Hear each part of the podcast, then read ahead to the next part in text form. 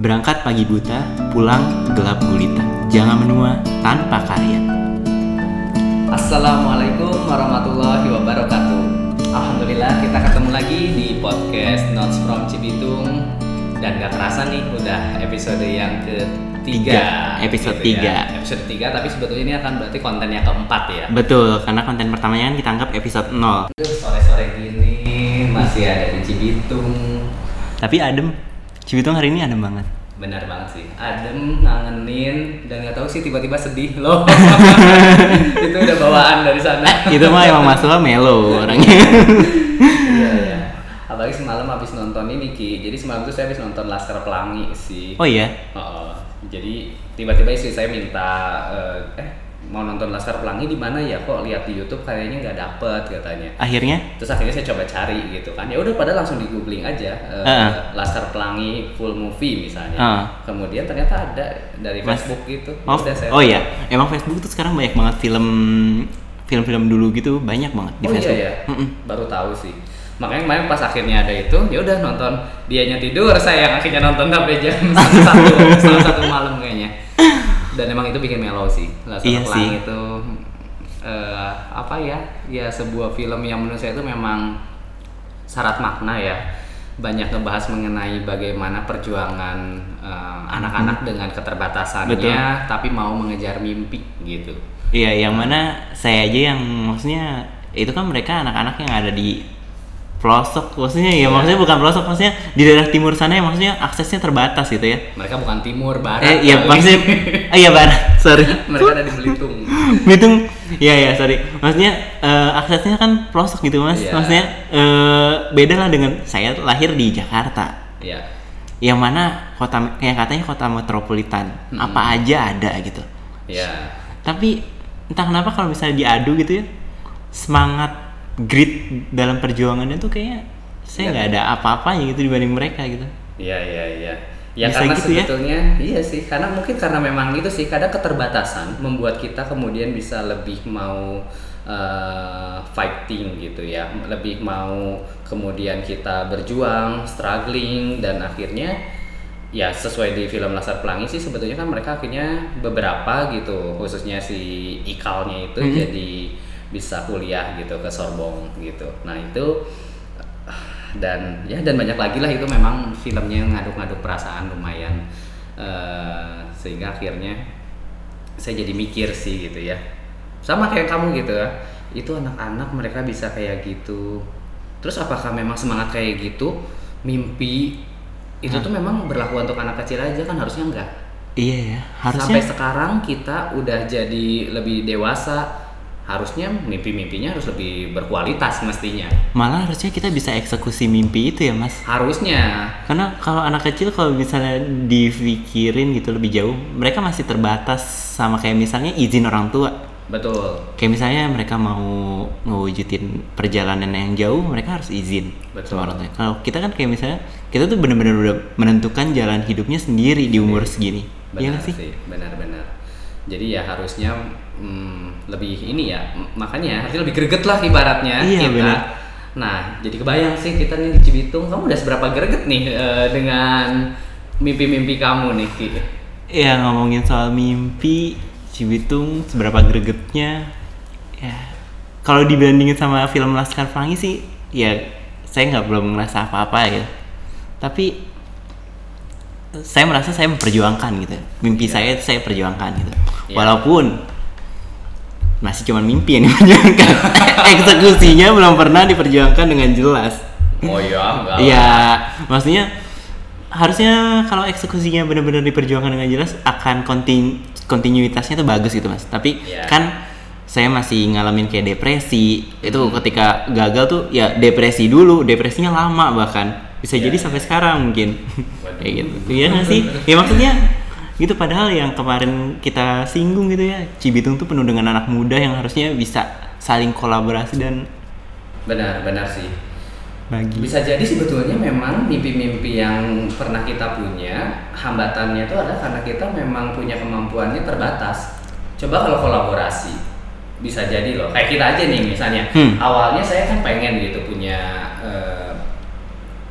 bisa lah maksudnya untuk menyampaikan ide-ide yang saya miliki gitu. Hmm. Terus akhirnya nggak lama ada eh, podcast mengenal itu, kemudian Hmm. juga kamu udah memulai eh, lebih dulu gitu ya. Akhirnya Yeah. kita jadi kolaborasi hasilnya kayak begini gitu, yang udah diton ditonton, didengerin Iya. sama kurang lebih 3 juta orang Betul. gitu ya. Fiktif semua itu Robo. Enggak, amin. Tapi kita nggak terlalu peduli sih Iya. sama eh, berapa orang yang dengerin. Saya sih sebenarnya tetap masih punya eh, rencananya adalah apa yang kita sampaikan ini yang memang buat diri kita sendiri pada dasarnya Betul. gitu ya. Adapun ada efek ke orang itu bonus aja ya. Betul. Gitu. Nah, Ya itu kayak semalam saya lagi bingung gitu ya. Aduh, Eh, ini kok hidup gini-gini. Eh tapi saya perasaan pernah punya obrolan-obrolan menarik gitu ya yang Ah. saya dokumentasikan lewat audio podcast. Ah. Saya dengerin lagi dan oh ternyata ini bisa nyentil diri sendiri gitu. padahal yang ngomong diri sendiri. Padahal yang ngomong diri sendiri, tapi lebih ngena loh. iya iya. Karena kita lebih mikir gitu ya nggak sih? Iya iya iya. Tulisan diri sendiri yang Benar, padahal di share itu ketika kita baca kok ini saya pernah bisa nulis kayak gini, pernah ngomong kayak gini. Iya. Dulu energinya dari mana gitu? Iya, Iya iya. nggak sih? Benar-benar. Saya juga lumayan tuh sering kayak gitu. Jadi apa yang pernah saya tulis eh, itu suka saya akhirnya baca lagi. Terus kalau misalnya ada yang menarik, ya udah saya posting baru sekarang misalnya. Ah. Kan dulu belum ada eh, IGS ya, cuma nulis di blog. Nah tapi sekarang ada beberapa tulisan di blog yang udah cukup lama. Akhirnya saya tulis lagi. Eh bukan tulis ya, lebih ke langsung diposting. Kadang juga mikir dulu ini pas nulis ini Apa yang lagi kayak gimana Iya, ya? bener. Terus bisa Kok bisa gini ya? bisa Wow. begini. Ini siapa yang nulis ya? Padahal kita sendiri gitu. Kayak Kadang- sekarang mungkin kita juga nggak nyadar nih hari ini kita ngobrol kayak begini, Uh-uh. tapi suatu saat Mungkin- kita pernah ya ngomong kayak gitu ya. Ngomong kayak apa?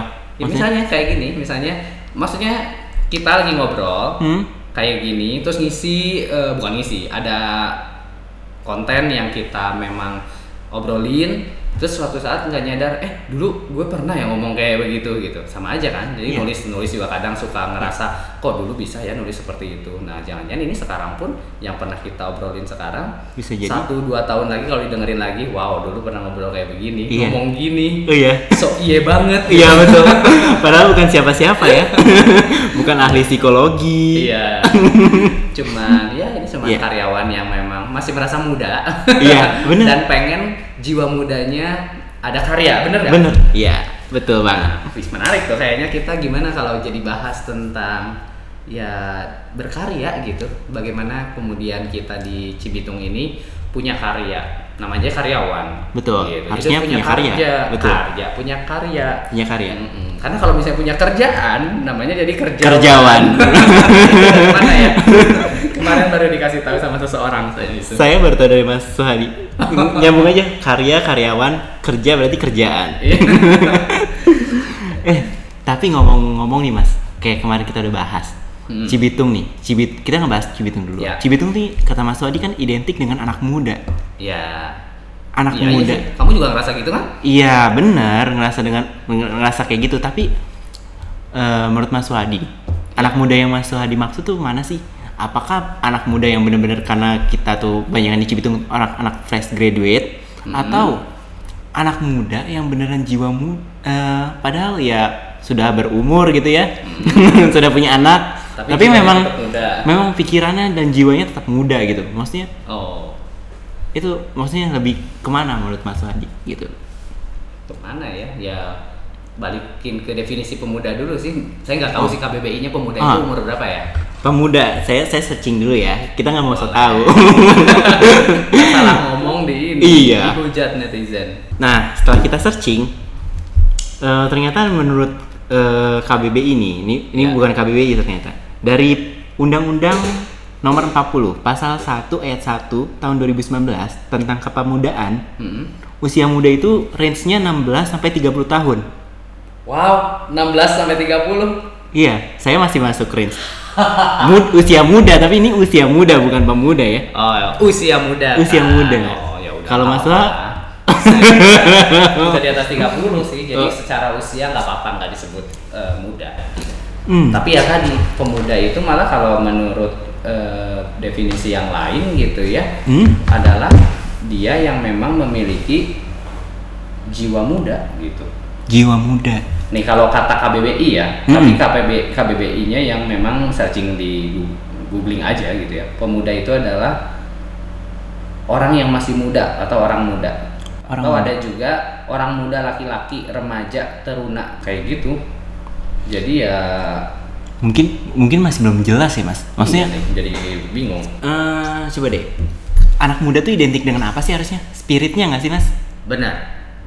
Katanya sih ya yang melakukan perjuangan gitu itu tuh adalah Hah? pemuda banyaknya. bener Nah bahkan jadi ya ya udahlah kayaknya mendingan definisi gitu nggak harus kita Iya. eh, bakuin, Hmm. tapi kita memang eh, cari aja esensinya harusnya Iya. muda tuh yang kayak gimana. iya Jadi yang tadi harusnya muda tuh yang punya karya.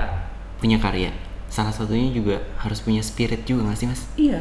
Untuk berkarya itu ya sebetulnya harus punya mimpi, harus punya spirit. benar Jangan hanya sekedar mimpi.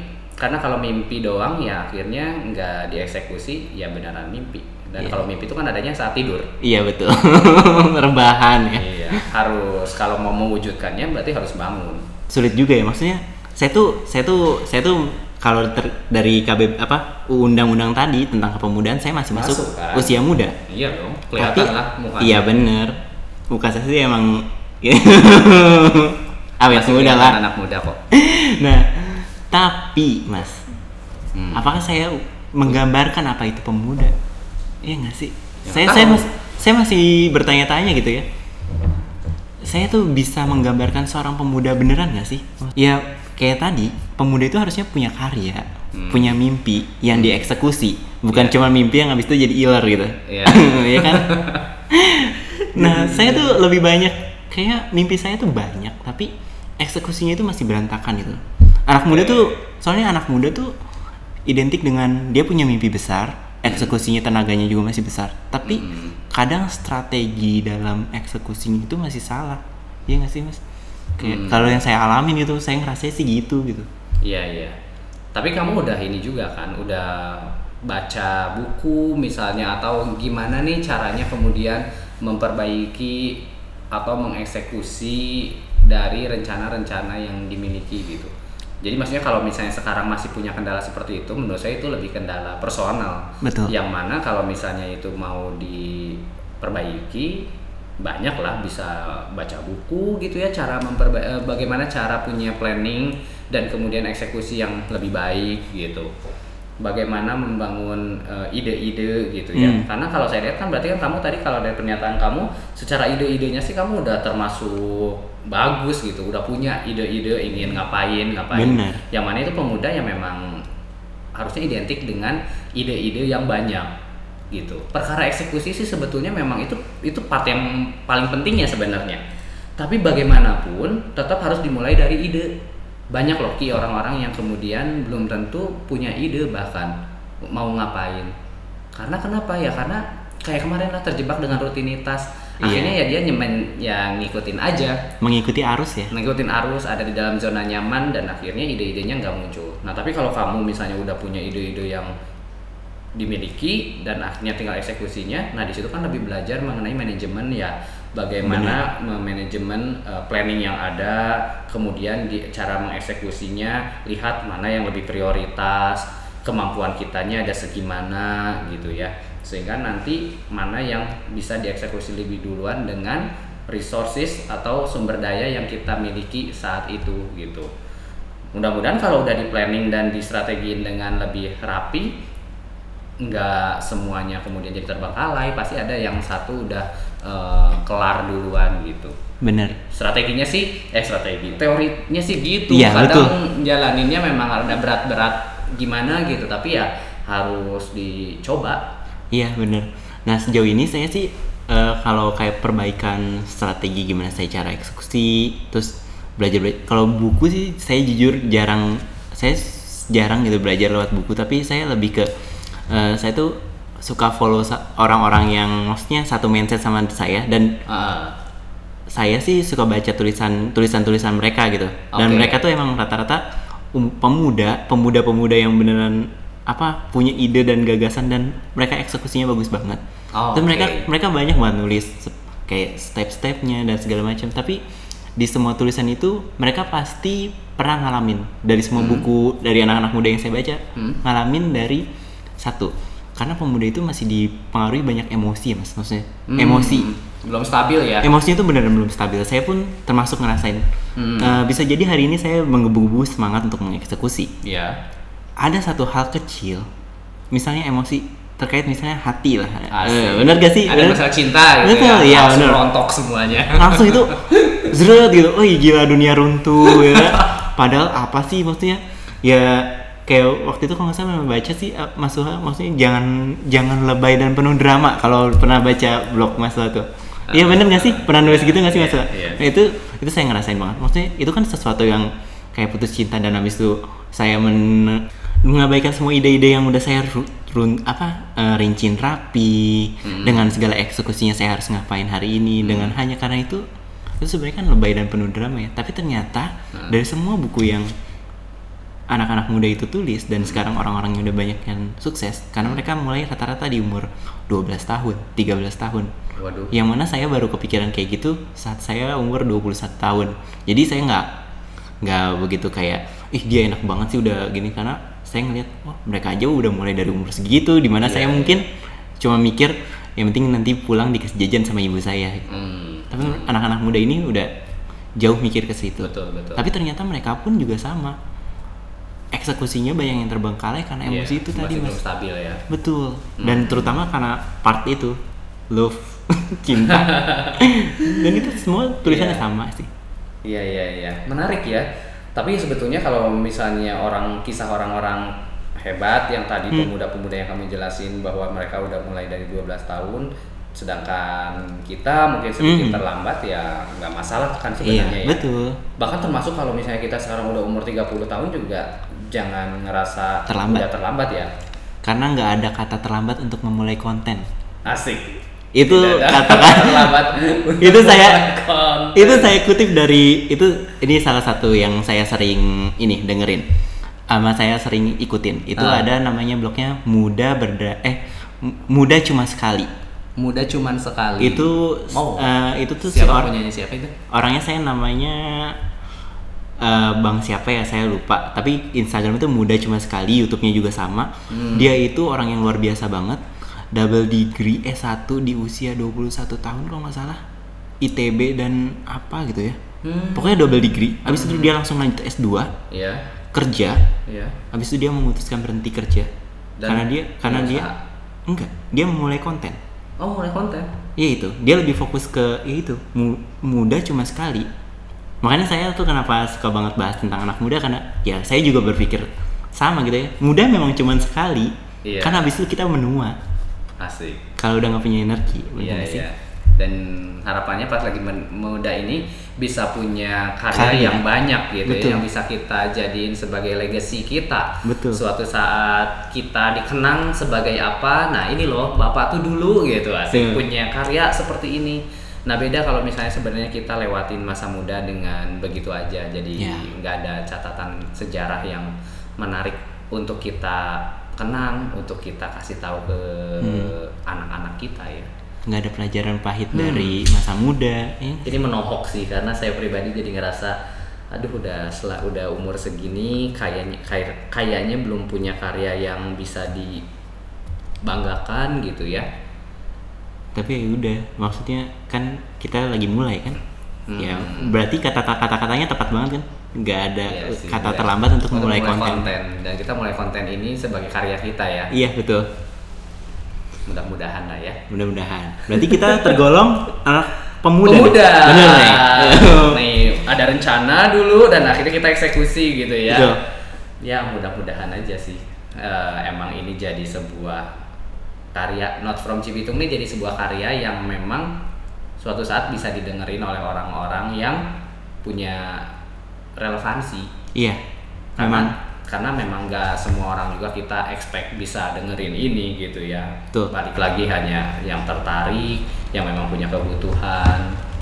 Jadi ya nggak usah peduli sama berapa banyak orang yang denger sih kalau saya sih ini harapannya hanya ingin berbagi dan memberikan spirit gitu ya bahwa Iya. ini kita yang muda mencoba untuk bikin sebuah hal yang baru. Mm-mm. Kalau buat saya sih pribadi ini baru gitu. Saya Karena juga se- pribadi ini baru-baru baru lima tahun. Enggak, baru dua, dua tahun lah. Dua tahun luar Setahun tuh saya cuma dengerin, saya setahun Oh. saya- setahun tuh saya cuma baru tahu podcast tuh apa dari orang-orang belum ramai podcast belum apa namanya artis-artis belum podcast podcast podcast podcast gitu dulu tuh ya podcast tuh kayak YouTube-nya awal-awal lah maksudnya masih sepi Iya, ya anak-anak orang-orang yang nggak terkenal gitu iya. penyiar radio rata-rata Mm, mm, mm, mm. just ya udah karena seneng dengerin podcast pertama yang saya dengerin itu yang tadi muda cuma Muda sekali cuma sekali. Gitu. Iya sih, benar sih, muda cuma sekali. itu emang menohok banget sih mas muda cuma sekali itu yang sampai sekarang saya bikin setiap saya abis gitu ya maksudnya maksudnya kan ya bohong banget itu kerja di Cibitung kita energinya tiba-tiba nggak habis gitu pasti ada lah fase di mana energi kita habis gitu Betul. terus kayak kehilangan tujuan terus Yang ya- bikin semangat tuh akhirnya itu lagi gitu. Iya, iya. Pertama kata-kata muda cuma sekali. Saya masih tergolong usia muda jangan sampai Ah. saya jadi usia muda yang semangatnya tua gitu. Ah, jangan sampai ya. Iya, karena saya malu banget karena beneran di Cibitung nih banyak yang usianya udah nggak muda tapi masih pemuda jiwanya kayak tadi Mas bilang banyak banget. Iya benar sih. Bahkan suka takjub sih kalau pas Hah. ngeliat lagi ada event-event yang kebersamaan gitu ya, Hmm. memang kreatif-kreatif. Betul. Kemudian emang tadi orang-orang orang-orang muda ini tuh saya lihat sih punya semangat kolaboratif yang tinggi juga sih makanya kadang suka ngelihat ada yang bisa ngebikin video yang begitu wah gitu Wow, luar iya. biasa ada yang akhirnya dia bisa bikin eh, bukan bikin apa sih ikutan yang challenge challenge bukan challenge sih yang eh, foto gitu gitu giveaway ya apa Oh, giveaway, sih? giveaway, giveaway apa? ya itu tuh Eh, foto. kuis lah pokoknya yang kayak gitulah lomba-lomba itu Mhm. ada yang bikin kayak begitu terus ada yang eh, semangat belajarnya luar biasa sampai ikutan eh, webinar di mana-mana misalnya atau ikutan kursus di mana gitu itu lu- luar biasa sih Iya sih, muda. anak muda. Emang harusnya gitu. Berarti di Cibitung ini udah banyak ya mas. Harusnya yang ha Mas Suha harapin kemarin di podcast kemarin kan Mas Suha berharap banget. Anak apa di Cibitung tuh kan banyak anak muda. Ah, ah. Dan Mas Suha berharap banget kita tuh menggunakan energi positifnya yap untuk membangun suatu legacy. Yap Sebenarnya energi positifnya udah ada nih mas, ya nggak sih? betul Tapi kolaborasinya nggak sih dari kita yang masih kurang? Hmm, Kayak- nggak tahu sih, nggak belum pernah melihat juga di lapangannya sampai sejauh itu gitu ya. Maksudnya belum ada kayak wadah kah? Ada kalau saya sih yakin maksudnya eh, anak-anak muda zaman sekarang tuh lebih kolabor lebih cenderung suka kolaboratif dibanding kompetitif. Iya. Itu yang saya rasain sih. Itu yang saya sa- rasain. Tapi masalahnya adalah kayak kita tuh belum kadang nggak nggak nemuin wadah yang pas. Hmm, wadah yang pas atau mungkin karena memang masing-masing dari kitanya sendiri belum ada Tujuan yang sama. ketemu. tempat ketemu Iya, atau tujuan yang sama. Gini, eh, lebih gini loh. Misalnya nih kamu kamu suka eh, bikin konten gitu Hmm. ya. Nah, terus ada orang yang sebetulnya justru dia senang untuk nge-tag videonya. Hmm. Kemudian ada orang yang lebih pengen eh, bisa edit jadi editor gitu ya Hmm. nanti hasilnya. Nah, kita ba- barangkali ya ini menurut saya belum terkumpul gitu ada orang-orang yang itu akhirnya saling ketemu kemudian akhirnya jadi nggak bikin eh, project bareng gitu collab Oh. gitu. Nah, tapi eh, yang ada saat ini ya saya ngerasanya jangan-jangan masing-masing tuh punya ketat punya tadi semangatnya itu memang udah ada masing-masing tapi nggak belum saling dipertemukan aja yang saya Hmm. bayangin kalau energi masing-masing ini akhirnya dikumpulin itu bisa bikin sebuah karya yang luar biasa sih gitu persembahan dari uh, pabrik ini di Cibitung gitu ya Dari maksudnya dari ka- karyawan dan sebuah karya yang wow gitu ya. Nggak nggak wow sih, nggak harus wow maksudnya karya yang ya mengena gitu loh. iya Contohnya kayak yang dibikin sama rekan-rekan yang kemarin kan waktu mau lebaran juga ada ya. iya betul itu, juga bagus sih. itu bagus dan mengena dan ya udah sih menurut saya kayak eh, itu kan salah satu contoh ya betul dan bisa ditiru gitu Iya, maksudnya kalau semakin banyak orang yang kemudian suka gitu ya, eh, punya ketertarikan apa, tapi akhirnya mereka saling dipertemukan, menurut saya itu energinya akan jadi semakin gede dan jadi bisa kolaborasi Hmm. bahkan saya pernah memberikan ide ke salah seorang eh, anggota tim kerja di tempat saya Hmm. bahwa dia senang nari gitu Hmm. Nah terus saya nawarin sebetulnya lah kalau misalnya memang mau senang nari dan memang memang pingin menyalurkan gitu ya pada dasarnya bisa loh pulang kerja coba loh jadi orang yang menjadi pionir jadi inisiator. Nah mau nggak sih orang jadi pionir atau inisiator? Nah ini pemuda yang jadi pionir atau inisiator inilah yang sebetulnya tuh yang dicari pada dasarnya. Kalau saya ya menurut saya. Hmm. karena nggak gampang sih untuk menjadi seorang inisiator gitu. Nah tak saya ngarahin coba kamu nari aja sendirian dulu misalnya di ruang balai Ganesa. Nanti Hmm. lama-lama orang bisa jadi ada yang melihat kemudian dari situ akhirnya ada yang tertarik. Hmm. terus join. Terus akhirnya jadi kayak ekskul lah ibaratnya. Jadi Iya. kayak ekstrakurikuler. Eh ternyata setiap hari ini tuh ada tarian ini. Yang suatu saat kalau misalnya pas lagi ada event bisa dipakai gitu kan pada dasarnya. Nah hobinya tersalurkan kemudian eh, apa namanya tadi akhirnya bisa kolabor- kolaborasi dengan banyak orang saling mengenal dan kemudian akhirnya jadi punya karya sih menurut saya terlepas dari karyanya misalnya seni tari itu juga ada sebuah karya gitu kan sepanjang memang tidak melanggar hal-hal yang tidak eh, tidak diperbolehkan gitu Betul. Jadi kalau misalnya kita punya pikiran gini nih mas, kayak misalnya contoh saya, saya tuh kan eh, karyawan. Mm-mm. terus habis itu kebanyakan ngerjain sesuatu yang berulang-ulang, ya nggak Yap. sih? Hmm. Eh, dan emang eh, kadang suka Bosan. pikir, ya bot, bo- bosan Pasti lah, bosan pasti ya. bosan. Gak ada manusia yang nggak ngerjain sesuatu berulang-ulang dia dia nggak bosan tuh nggak Iya. ada menurut saya. ada Dan ah, siapa? eh enggak enggak bukan manusia nih kalau itu robot pasti manu selama dia bentuknya masih manusia pasti dia akan ngerasa bosen Iya, walaupun dia rasa ya. iya yang be- bedakan adalah ada yang ngomong ada yang enggak oh iya Iya nggak sih? Benar. Ada yang dipendem dan ada yang pendem ada yang diem. Ah ya udahlah. Hmm, akhirnya- Nerimo. ada yang dipendam nerima terus akhirnya ya udah ya mengikuti arus. Hmm. ada yang memberontak dan terus malah nggak tahu jadi apa apa malah jadi depresi. Dan itu menurut saya kayak dengan Mas Wah tadi ngomong gitu itu kayak bisa ngadobrak wall wall wall apa dinding dinding pembatas pemikiran kita nggak sih? Bahwa ya kalau kita karyawan kerjanya ulang-ulang Hmm. ya kita seharusnya tuh fokus cuman kayak mengerjakan hal lainnya itu ya terkait kerjaan kita doang Hmm. padahal nggak sebatas itu kita bisa kayak mengencourage teman-teman kita buat Hmm. ngajak ke hal yang sesuatu yang bisa bikin suatu karya gitu dan itu sebenarnya bagian dari pekerjaan juga nggak sih bagian dari pekerjaan kita sebagai maksudnya yang kemarin kita omongin di Cibitung tuh kita didesain jadi untuk apa bisa jadi itu Hmm. ya nggak sih Bisa nuntun jadi. temen-temen yang pun ya benar sih cuman ya nggak bisa dipungkiri sih menurut Hmm. saya karena memang ini tuh kondisinya di kawasan di pabrik gitu ya Mm-mm. yang mana setiap orang bisa jadi pengennya ya Pulang. udah langsung pulang gitu siapa sih yang masih menginginkan adi saya punya waktu dan kemudian pengen ngapain gitu di pabrik ada ya sempat- kemarin-kemarin misalnya ada yang sempat lari Ya. ada yang olahraga itu menurut saya udah Ya. satu inisiasi yang bagus sih Ya. gitu ya Nah, kalau kita kembangkan lagi dengan hal-hal yang sebetulnya bisa dilakukan dan itu menyalurkan hobi gitu ya, dan suatu saat memang akhirnya bisa kepake, itu menurut saya itu udah bisa jadi karya lain sih. Dan itu adalah sisi lain kita bekerja di balik rutinitas gitu ya. Iya.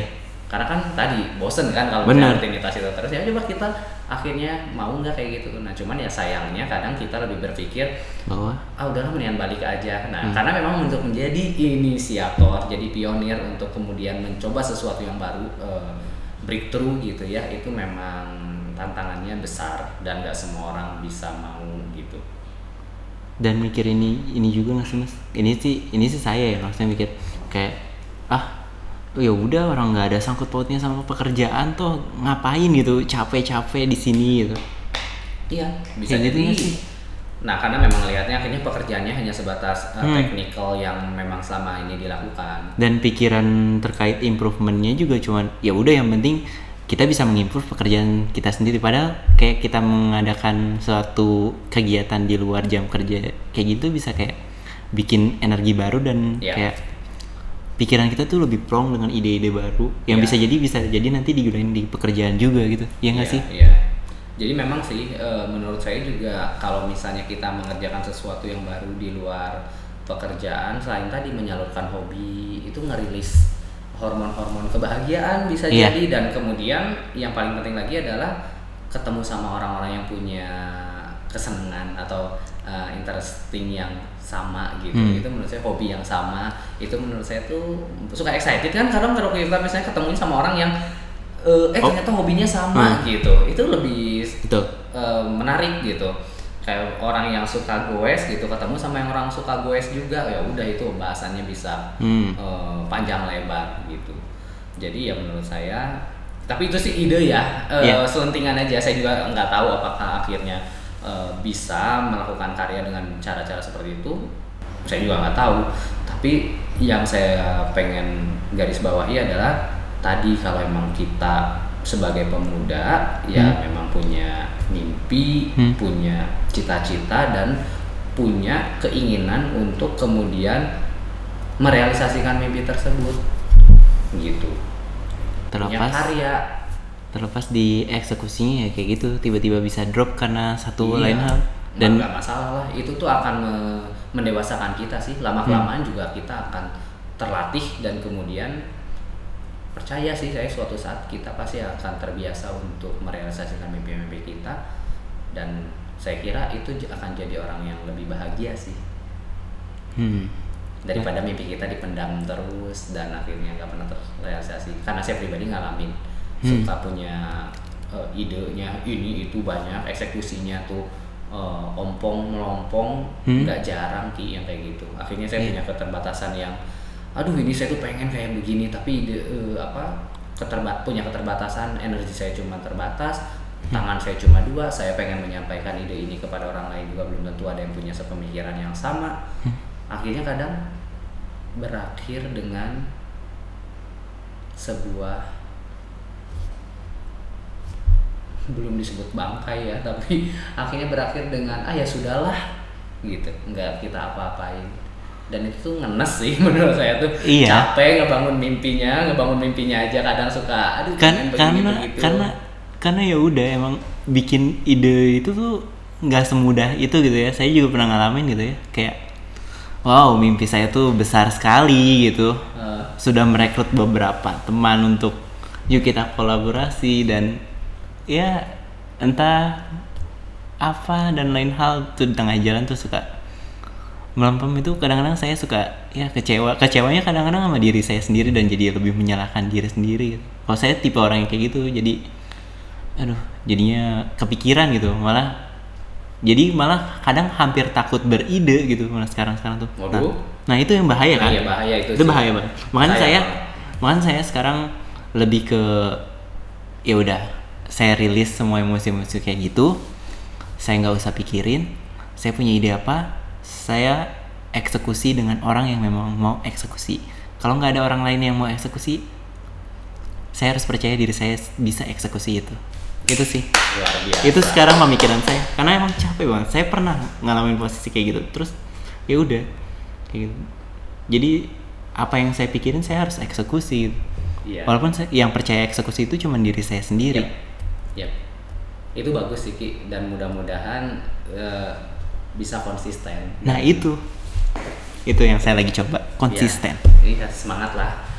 Ah, menarik ya. Iya, jadi- dan apa ya? Tadi dengan ngobrol-ngobrol kayak begitu aja ternyata udah setengah jaman. Iya. Ini udah azan maghrib. Iya. Gimana nih? Mau udahan dulu aja? kita break dulu Eh, mungkin segmen ini kita cukupin mas Cukupin dulu terkait ya. pemuda Hmm. ya nggak sih yang kita garis bawain berarti kalau yang saya ambil ya Ya. pemuda itu pertama harus punya mimpi, Mm-mm. spirit, terus juga ketika ada keterbatasan bukannya malah menyerah, harusnya kayak yang pemuda-pemuda di Laskar Pelangi.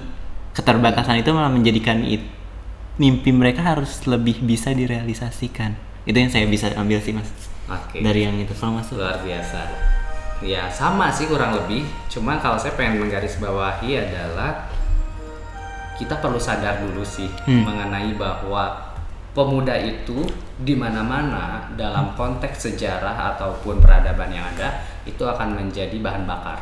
Hmm. Ibaratnya bahan bakar ya berarti kan harus benar-benar eh, bergelora, harus benar-benar punya daya, punya kedikdayaan yang luar biasa gitu. Jadi ya jangan melempem, Hmm. jangan lembek. Nah, harus punya bentukan yang rigid yang kemudian ini loh gua sebagai seorang pemuda. Nah, itu pertama tuh harus punya kesadaran itu dulu. Gitu. Baru berikutnya akhirnya dia akan memahami bahwa oh saya tuh punya peran sebagai bahan bakar. Hmm. Untuk tujuan apa? Nah, tujuannya misalnya entah kalau dibalikin ke individu, berarti kan kita punya tujuan dong, punya life goalnya masing-masing gitu. Ya udah kita susun strateginya untuk mencapai tujuan sana. Saya akan begini, begini, begini. Eksekusi juga karena memang tadi sebagai bahan Hmm. bakar harusnya akan sangat membara gitu. Pun kalau misalnya ternyata padam, dia harus mengupayakan untuk kemudian bisa nyala lagi karena beneran kalau akhirnya memang pemudanya yang kemudian udah padam Hmm. saya nggak tahu sih peradaban itu ne- e, negeri atau apa pun itu yang ada pemudanya itu akan jadi seperti apa karena kan katanya adalah pemuda itu adalah harapan Bangsa. bangsa PHP ini ini banget sih eh apa klise banget Cuma maksudnya pemuda itu adalah akan menggambarkan kondisi Iya. sebuah negara ke depan seperti kalau saat ini pemudanya aja hanya banyak yang eh, lembek-lembek banyak Melo-melo. eh, melo dan kemudian galau hanya karena cinta ya bisa kebayangkan akan seperti apa tapi kalau pemuda-pemuda yang muncul itu adalah justru yang punya karya yang luar biasa, spirit yang besar, ide dan gagasan yang menyala-nyala. Nah menurut saya kita masih cukup optimis bahwa negara ke depan akan bersinar. Wow. Oke, eh, kita rasa konten hari ini eh, untuk episode ini kita cukupkan, ya? Itu aja ya. Hmm, saya Rizky pamit. Dan saya sudah juga pamit. Wassalamualaikum Warahmatullahi wabarakatuh. Udara hantam dia Temani tangisnya yang buat lautan laut